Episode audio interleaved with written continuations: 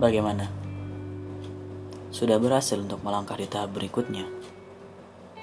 Berat, sulit, tapi bukan berarti tidak bisa. Mungkin sekarang sudah waktunya saya untuk melangkah dan menyelesaikan apa yang sudah saya mulai.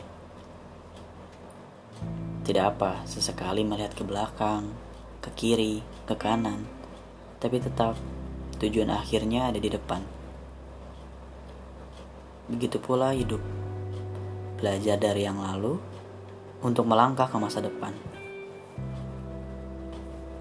Kesampingkan dulu soal hati, karena banyak urusan lain yang lebih penting dalam kehidupan ini.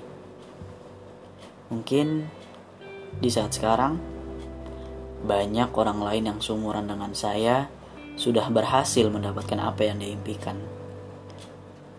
Memakai toga di kepala dan selempang bertuliskan cum laude.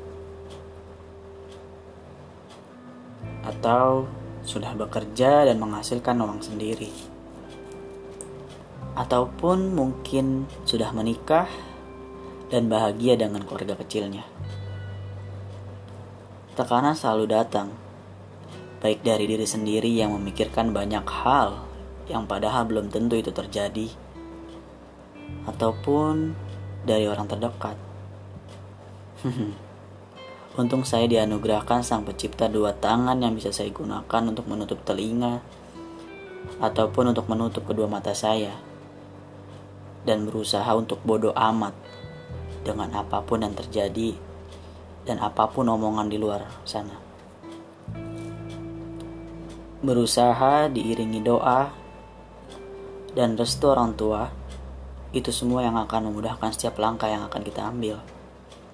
Sisanya serahkan kepada Sang Pencipta.